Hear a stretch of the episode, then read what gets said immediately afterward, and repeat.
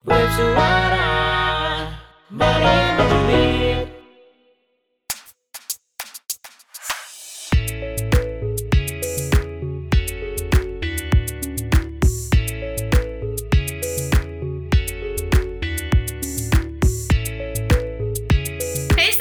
balik lagi sama aku Ika Liva di Wave Julit Tempat di mana ngejulitin Dan kita akan ngebahas berbagai, berbagai banyak topik gitu kan. Dan udah lama banget kan ini nggak update baru lagi. Tapi santuy gengs, aku balik lagi. Dan makasih banget buat kalian.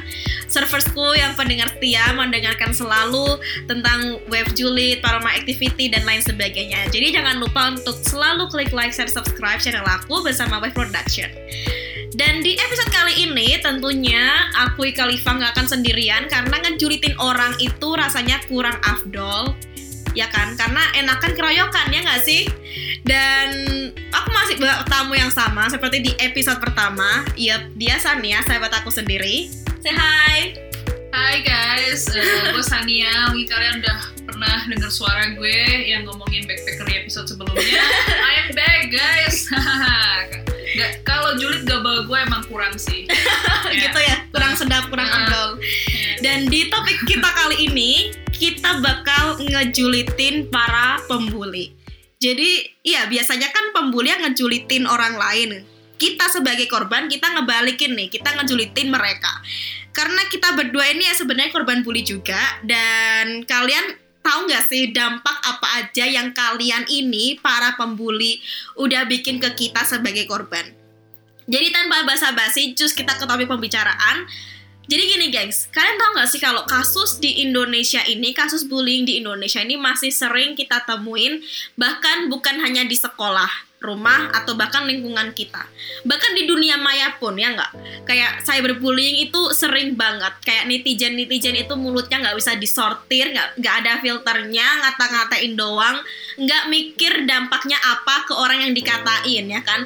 Dan kadang aku tuh heran, motivasi kalian ini, para pembuli tuh apa sih? Kalian tuh bisa bebas ngomong, ngomen ini itu, ini itu. Dan kita ini sebagai korban, tanpa, ya gini lah, kalian nggak mikir banyak gitu. Dengan kalian ngomong ngejelek-ngejelekin orang tanpa fakta yang benar, dampaknya ke orang itu sendiri, ke korban itu apa, ya kan? Dan kalau misal posisi kita ditukar gitu kan, kalian yang menjadi korban, apa kalian siap gitu? Dan dampak bullying ini tuh nggak sepele gitu. Kadang orang tuh ngerasa anxiety, mereka merasa kayak insecure dan bahkan depresi gitu kan. Dan ketika kalian depresi, kalian tuh sebenarnya nggak tahu apakah kalian ini benar-benar depresi kalau kecuali kalian udah di fase yang sangat sangat sangat mendalam yaitu di mana fase kalian ingin bunuh diri gitu karena itu baru ketahuan kalau kalian depresi. Tapi kalau itu mau kita tolong pun kan juga istilahnya udah terlambat kan orang-orangnya udah meninggal gitu kan. Dan parahnya kasus bunuh diri di Indonesia ini banyak gegara bullying juga gitu. Dan nah gini aja ya kita di sini mau share pengalaman dan dampak apa aja yang kita hadapi dan how can we handle the situation. Dan tentu saja ini tuh nggak nggak gampang gitu kan untuk kembali dari fase gelap. Istilahnya kalau buku R.A. Kartini tuh habis gelap terbitlah terang gitu kan. Di mana fase-fase ketika masih kita terpuruk dan sekarang di posisi kita bisa speak up gini ini tuh nggak gampang ingat dicatat jadi pertama-tama jadi San coba lu kasih brief explanation tentang pengaman pengalaman lu ketika lu tuh dibully dan kenapa gitu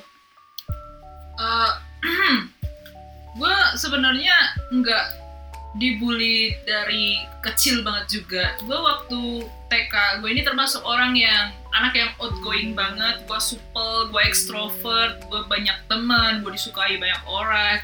Dan apa ya istilahnya, gue nggak akan kepikiran bahwa gue bakal dibully gitu ketika gue masuk SD dan boom gue gue ngalamin bullying ketika gue SD basically gue dibully karena gue juga nggak tahu kenapa kadang jadi alasan mereka itu aneh gitu loh. Kayak misalnya ditanya kok lu nggak suka sama si Sania mereka jawabannya selalu kayak ya gue nggak suka aja ya. Ya kenapa itu nggak sukanya? Tapi yang jelas sih eh, hal yang paling gue rasain adalah gue dibully karena gue ini jelek menurut mereka ya dan nilai gue tuh jelek juga. Tapi nggak semua nilai gue jelek. Gue ini nggak bisa matematika kan. Gue nggak bisa eksak kayak IPA matematika gitu gitu tapi nilai pelajaran gue yang lain tuh alhamdulillah tuh selalu bagus. Cuma emang nilai matematika gue emang emang do re mi fa sol ya. Satu dua tiga empat lima. Dan karena saat itu pas gue SD standar kepintaran siswa itu dari nilai matematikanya itu entah kenapa itu kan. Kalau lu matematikanya kagak 90 lu lu tolol itu dan gue dikatain tolol sama temen-temen gue itu. Gue sama guru gue juga pernah ya. Ini serius guru gue ikutan bully gue itu pernah. Gue pernah Gila. itu. Iya coy. Guru yang harusnya Itu guru apa? ya wa- wali kelas ya istilahnya. Buset. Eh, guru kelas ya maksudnya guru yang nge-handle kelas gue. Karena kalau saat itu zaman zaman gue kan eh, guru SD tuh satu guru ngajar banyak Ah, ah, ah, ah. pelajaran kan nggak kayak sekarang eh, spes- lebih spesifik ya. Tapi dulu guru mata guru tuh ya harus bisa matematika bisa sejarah bisa bahasa Indonesia makan gitu kan ya. Nanti aja. Oh nanti aja, oke. eh, tapi ya itu kayak mereka jadi gini mereka tuh fokus ke kekurangan gue nggak ke kelebihan gue. Maksudnya, mereka ngatain nilai gue jelek ngatain gue goblok bego tolol dan sebagainya karena nilai matematika gue 4 tapi mereka nggak ngelihat nilai IPS gue 100 atau nilai bahasa Inggris gue 9 mereka fokusnya hanya ke kekurangan gue itu. Itu yang membuat gue jadi selalu insecure terus. Gue selalu merasa gue ini bodoh gue ini eh, gimana? Gue nggak cukup lah itu. Ya gue nggak ngeliat potensi gue itu ya gue ngerasa dapat nilai IPS 100 pun nggak ada gunanya karena ya orang nggak peduli. Terus juga karena gue jelek somehow fisik gue di mata mereka jelek gitu loh. Karena gue dulu tinggi kurus eh, cungkring gitu guys ya. Kaki gue tuh kayak kaki ayam tuh gak sih? Maksudnya kayak gue tuh cungkring ya. Dan gue gue nggak bisa lari walaupun kaki gue panjang. Jadi body shaming. Mereka lebih nggak Iya, jadi mereka ngebully karena gua kurus. Ini aneh gitu. Lu gendut dibully, lu kurus dibully, anjir kayak.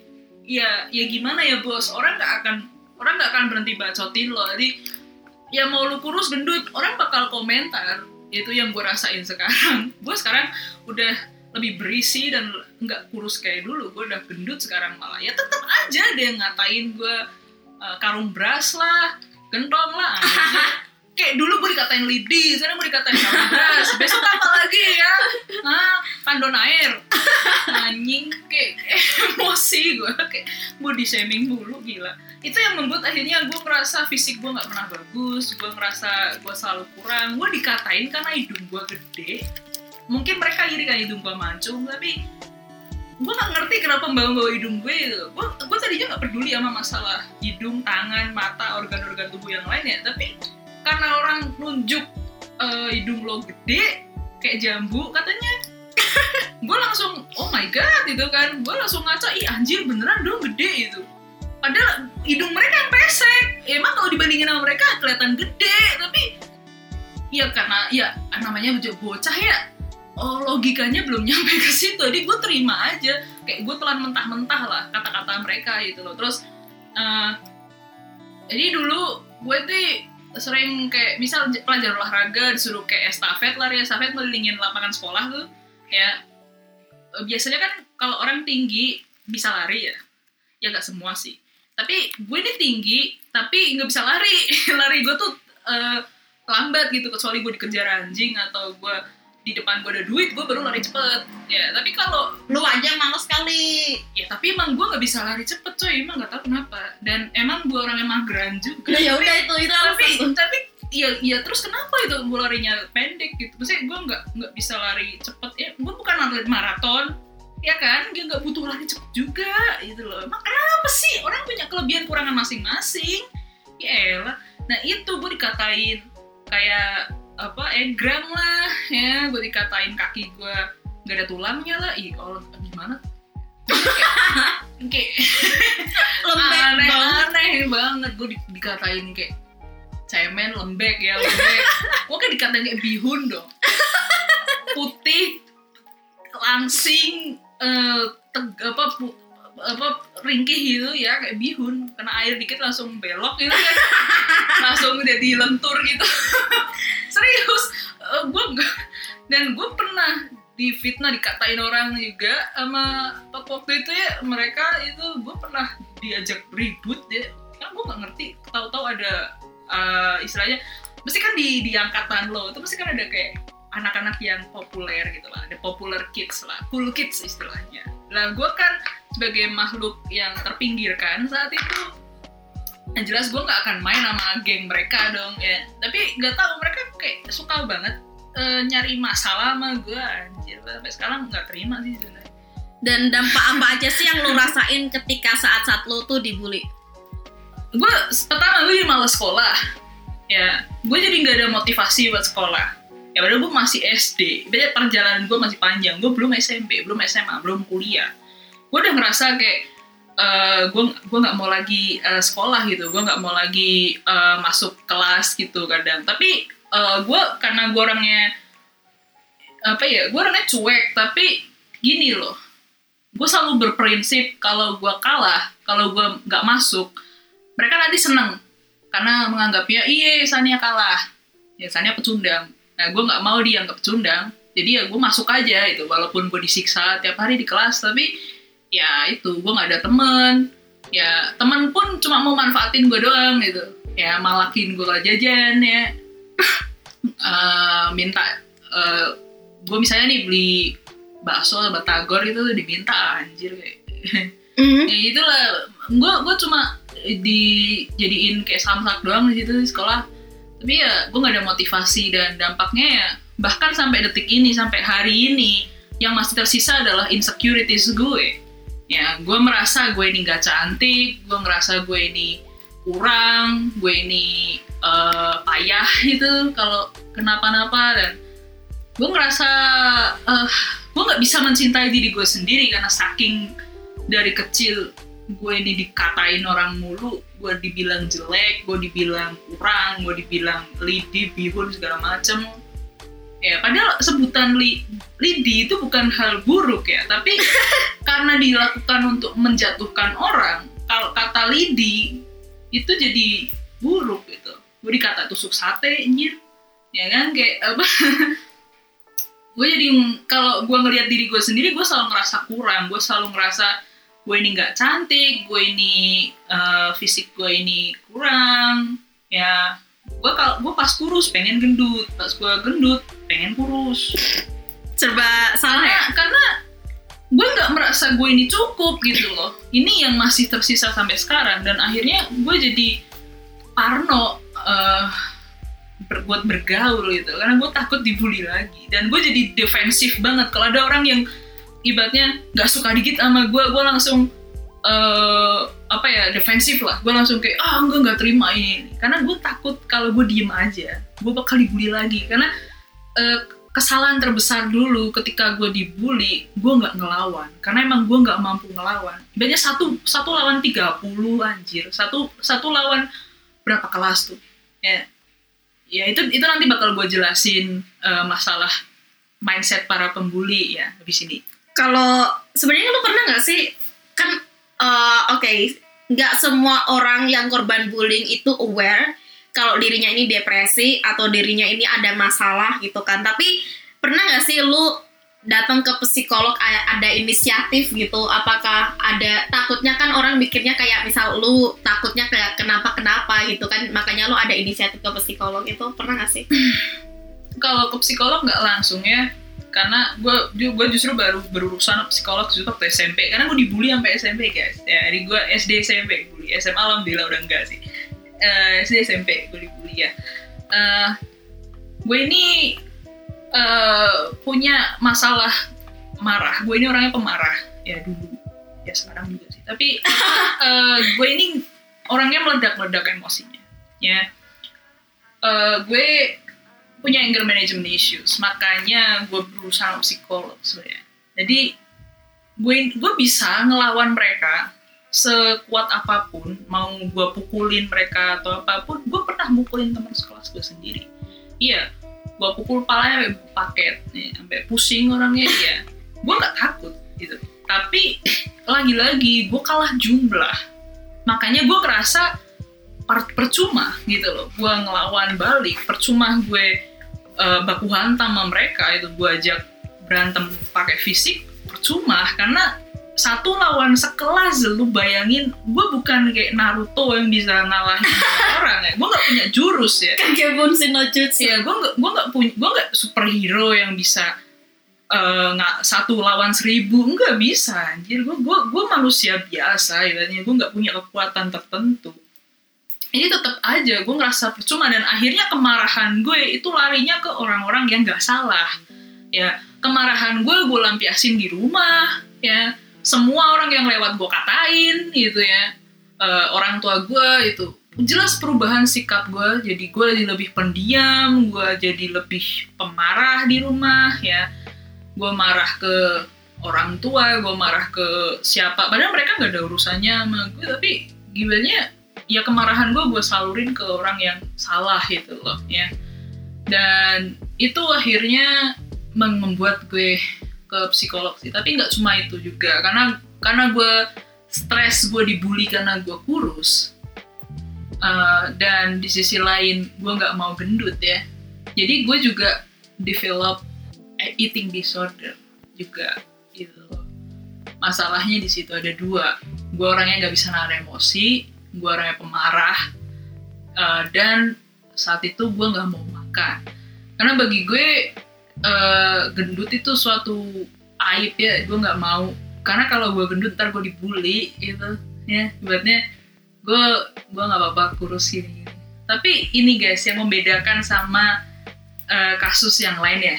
Karena kalau kasus yang lain survivor bullying yang lain kebanyakan mereka depresi dan larinya adalah ke self harm kalau gue ini kasusnya kebalikannya self harm gue nggak mau nyakitin diri gue sendiri tapi gue bisa nyakitin orang. Dan gue kecenderungannya justru bunuh orang daripada bunuh diri.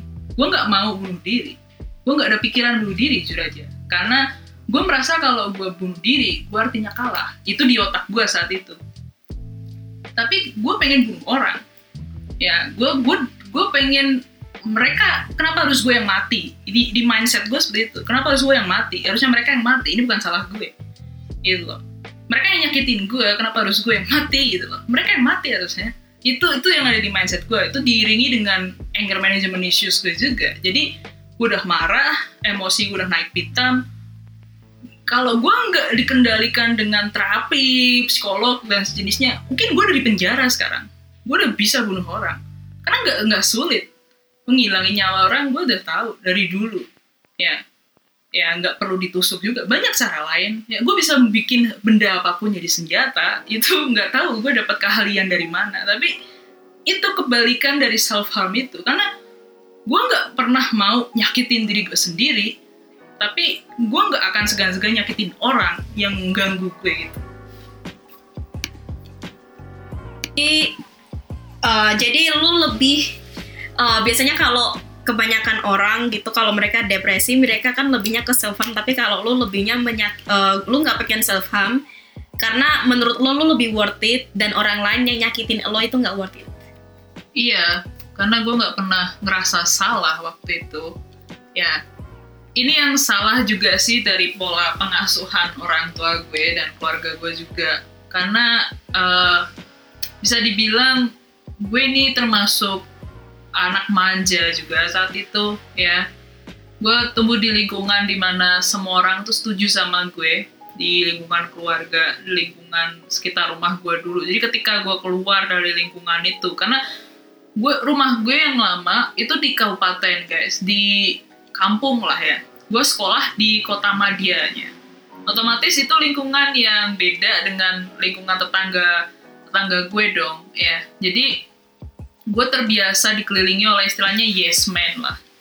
Orang yang eh, selalu membenarkan gue terus gitu. Jadi ketika ada orang yang nggak setuju, nggak sependapat dan eh, menganggap gue ini salah, gue nggak terima. Ini ini yang salah juga dari cara didiknya orang tua gue. Jadi nggak baik juga kalau anak lo selalu dibenerin.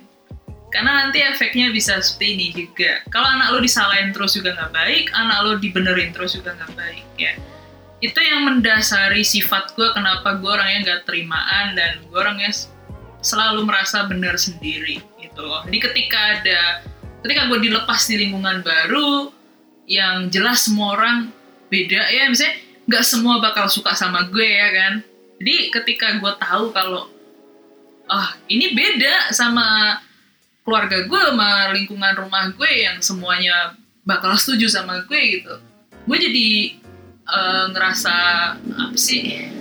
Ya gue jadi marah gitu. Gue ngerasa nggak terima gitu loh. Dan gue nggak sekali dua kali eh, melakukan pembalasan dengan cara kerasan seperti itu. Kekerasan seperti itu ya. Gue pernah ny- nusuk ban sepeda temen gue karena gue nggak terima. Gue gue pecahin bannya gue pernah mukul teman sekelas gue pakai kotak pensil. Lu inget kotak pensil anak SD yang gede dong gak sih yang bisa dibolak balik itu tuh kan lumayan tuh berat ya ya emang gak bikin lo gegar otak juga tapi lumayan pusing lah. Ya. dan eh, itu bukan sekedar kenakalan biasa deh. Tapi gimana gue mau ngelawan gue mau sebarbar apa pun gue kalah jumlah. Makanya di situ gue ngerasa stres. Gue ngerasa kayak eh, pertahanan gue itu nggak guna gitu loh. Karena gue kalah jumlah ya gue dikeroyok. Jadi ya mau gue pukulin mereka satu-satu pun tenaga gue nggak akan cukup ibaratnya. Jadi ya gue ngerasa terpojok di situ itu loh. Dan gue makin marah akhirnya. Dan kemarahan gue justru gue tumpahkan ke orang lain yang nggak bersalah itu gue jadi emosi banget dan gue jadi nggak mau makan juga. Karena gue nggak mau gendut. Kalau gue gendut ntar gue dibully tapi di sisi lain gue juga kurus ya ya kurus juga dibully jadi gue nggak tahu gue konflik banget di situ otak gue nggak bisa mikir jernih ya hati gue juga nggak nggak bisa eh, tenang ya ya aneh. Ya gitu lah jadi gue nggak segan-segan eh, nyakitin orang secara fisik saat itu ya. Eh, waktu SMP gue nggak pernah main fisik sih karena gue udah capek. Tapi eh, ternyata gue makin diem gue nggak melawan orang makin melunjak gitu loh. Kalau gue pikir kan gue diemin ntar mereka capek sendiri ya kan? Sering lo bilang udah nggak usah ditanggapin ntar mereka capek sendiri. Enggak anjir. Ya mereka makin melunjak gitu. Ya gue malah makin difitnah sama seseorang gitu ya. Gue dijauhin satu angkatan waktu SMP gara fitnah konyol yang dibuat sama orang yang jelas itu omong kosong. Ya nggak terbukti Sialnya guru BK gue malah ngebelain si tukang fitnahnya daripada gue anjing banget gak sih terima situasi seperti itu eh, nggak akan eh, bisa hidup tenang gue ya. Tapi gue nggak mau keluar sisi lain gue nggak mau pindah sekolah karena kalau gue pindah sekolah berarti gue kalah dong. Gue nggak mau kalah orangnya. Ya itu aja sih guys. Yang bikin gue berurusan psikolog adalah anger management issues gue dan Dan dan eating disorder gue Oke, terus kayak cara lu recovery itu gimana dari dari tahap uh, ketika lu ketemu psikologi dan staff gitu kan? Terus ya itu sih tahap-tahapan lu bisa nge-recover gimana? recovery eh, kasus bullying kayak gini emang eh, nggak sehari dua hari jelas ya jadi ketika gue lulus SMP gue masuk ke SMA yang benar lingkungan baru yang lebih accepting. Lebih menerima gue dibandingkan eh, SMA sebelah saat itu ya. Dan gue mulai ketemu sama orang-orang yang positif ya orang-orang yang gak toxic dan gak eh, tukang bully kayak teman-teman SMP SD gue dulu. Di situ gue mulai apa ya gue mulai gain eh, confidence lah dikit-dikit walaupun dia masih minder sangat tapi itulah. Dan eh, gue menerima banyak nasihat dari nasihat dan support dari kayak sahabat dan orang tua keluarga bahwa ya gue harus bangkit gue nggak boleh kayak gini terus gue nggak boleh terpuruk terus. Gue recovery secara fisik ya karena gue sempat susah makan gue nggak mau makan dan uh, ya eating disorder itu tadi gue harus berusaha sama dokter juga dokter spesialis ya gizi juga. Karena ya gue literally gue masuk kurang gizi ya. Jadi uh, gue harus makan makanan yang bisa bikin tubuh gue jadi balance dan sehat gitu loh ya. Ya gue dikasih kayak terapi kayak supaya gue bisa ngelihat makanan itu sebagai sesuatu yang positif ya gue mulai banyak makan. Dikit dikit ya. Gue nggak muntahin makan gue lagi atau gue nggak mau makan sama sekali. Ya gue udah mulai makan normal wajar gitu. Tiga kali sehari dua kali sehari lah ya umumnya orang. Terus eh, masalah kayak gimana supaya gue nggak dibully waktu SMA gue jadi lebih pede sih. Gimana nggak nggak pede ya tapi gue gue mempelajari sesuatu. Gue jadi korban bullying karena gue gampang orangnya. Gue lemah. Walaupun gue barbar gue berani mukul orang atau eh, mecahin ban sepeda orang tapi tetap aja gue dianggap eh, inferior dari pelakunya. Jadi gue bikin persona atau image keras sejak masuk SMA gue bikin persona atau image Sania itu keras tegas dan lu jangan main-main sama dia gitu loh. Ya. Gue membangun image itu dari kelas 10 jadi orang nggak berani macam-macam sama gue itu di SMA dan eh, ketika gue masuk SMA gue mulai kayak berusaha ke- mengembalikan diri gue yang lama. Kayak gue ikut organisasi osis gitu ya. Gue mulai bergaul dengan yang lain. Eh, dan ya gue ngerasa lingkungan baru gue lingkungan SMA gue eh, jauh lebih baik mereka lebih menerima gue dan mereka nggak toksik kayak anak-anak SMP gue. Itu sih itu recovery gue. Jadi selama tiga tahun gue sekolah SMA tuh gue hitung sebagai masa recovery. Dan masa kuliah gue itu gue hitung sebagai masa pendewasaan gue ah, pasca recovery itu loh. Ya kuliah alhamdulillah gue gak dibully lagi. Karena gue udah tahu caranya untuk menghindari dan mencegah dan menghadapi kalau seandainya ada orang yang mau nyari masalah ke gue gue harus ngapain gitu gue harus membela diri gue Eh, dan nggak takut itu sih. Kalau menurut kalau ini ya ini time di mana kita habis-habisan ngebully para pembuli.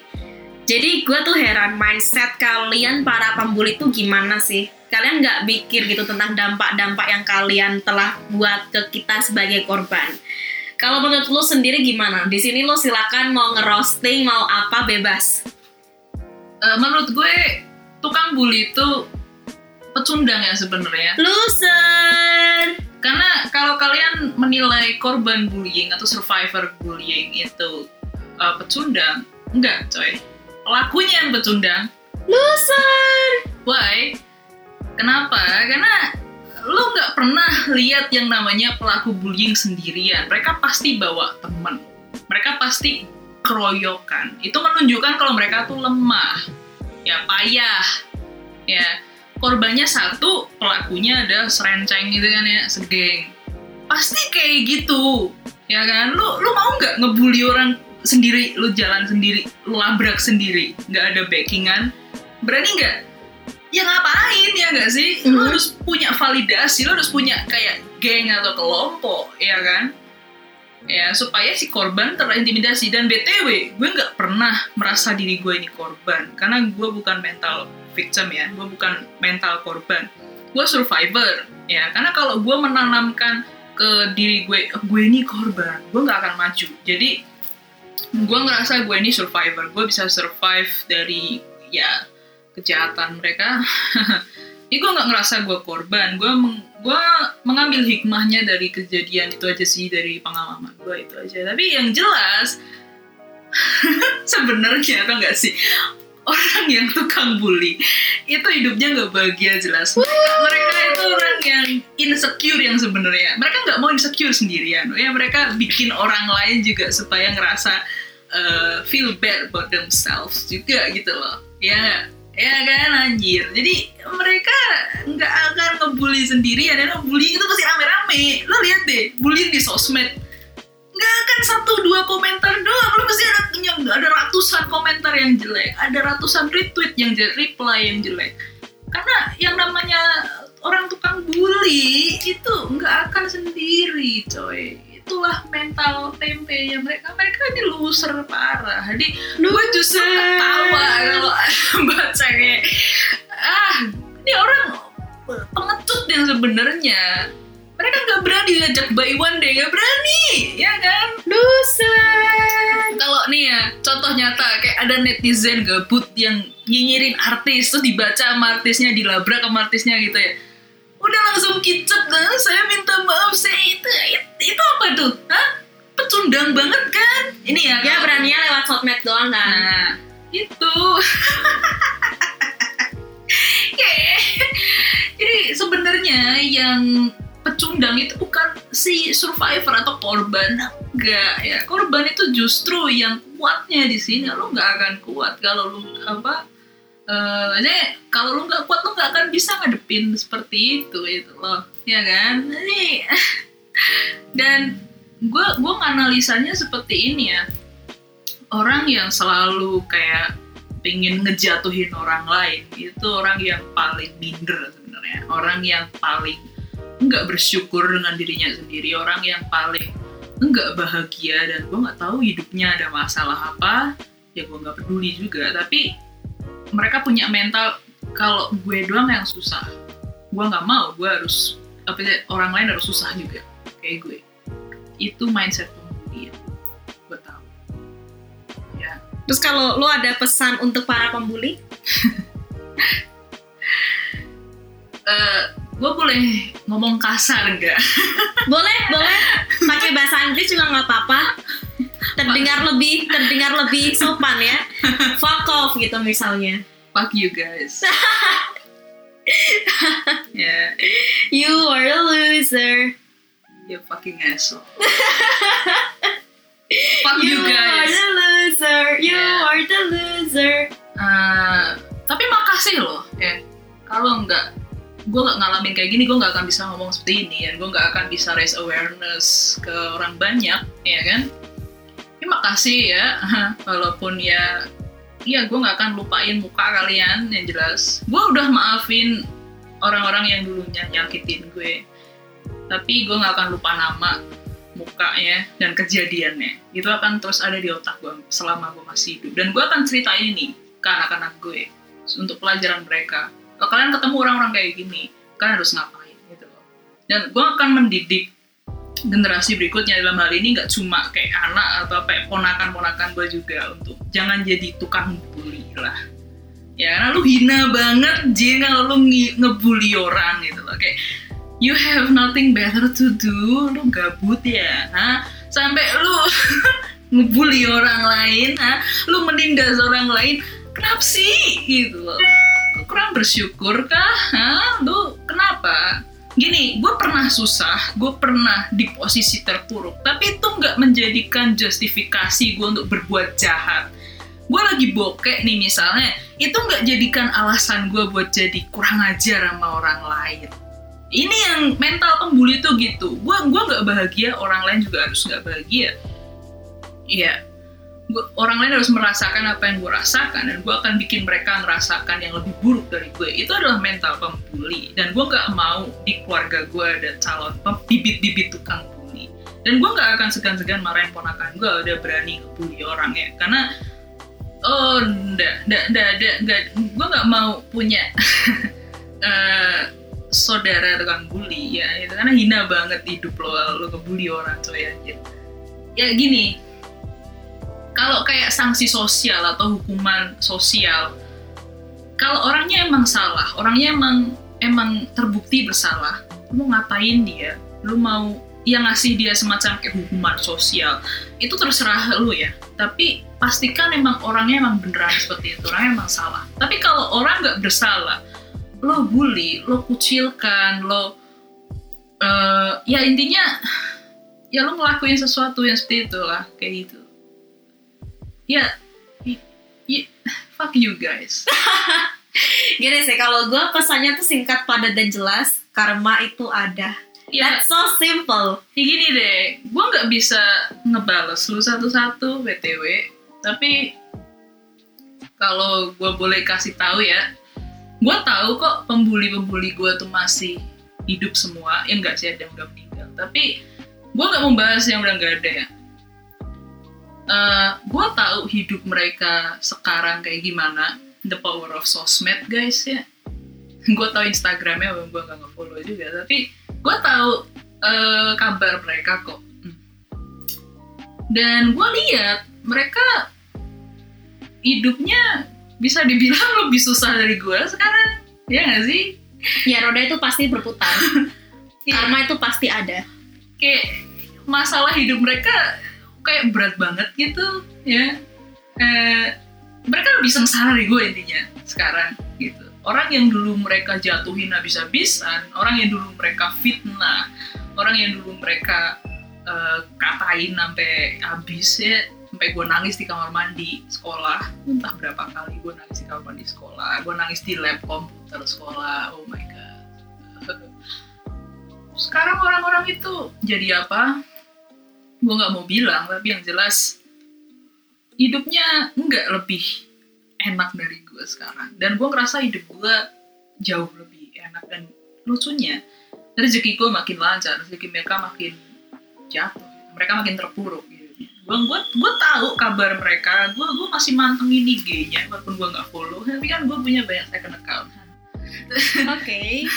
Jadi untuk kalian para korban bullying, don't worry you are not alone karena bukan kalian satu-satunya orang yang sengsara di muka bumi ini. Tapi kalian harus tetap stay, kalian harus tetap stand up gitu kan. Emang sih terjatuh itu sakit dan kadang untuk melangkah pun tuh juga butuh butuh effort yang banyak gitu kan. Walaupun kalian tertatih, tapi ingat selalu kalian nggak sendirian gitu kan masih ada kita. Kita di sini stand for all of you guys especially for bullying victim. Jadi kalian nggak per- jangan pernah merasa kayak sendirian. Dan itu malah bikin kalian sendiri tuh apa ya sedih dan ntar berakhir yang you know like what I mean like depresi dan lain sebagainya. Dan itu akan membahayakan diri kalian sendiri. Dan untuk kalian para pembuli karma itu pasti ada dan walaupun kita sebagai korban yang nggak akan membalas tapi Tuhan itu pasti adil. Gitu aja sih. Makasih buat kalian yang udah mendengarkan podcast aku hari ini di Wave Juliet dan tetap stay tune jangan lupa untuk klik like dan subscribe uh, channel aku tetap di Wave Production. So see you in the next episode guys. Bye bye Bye.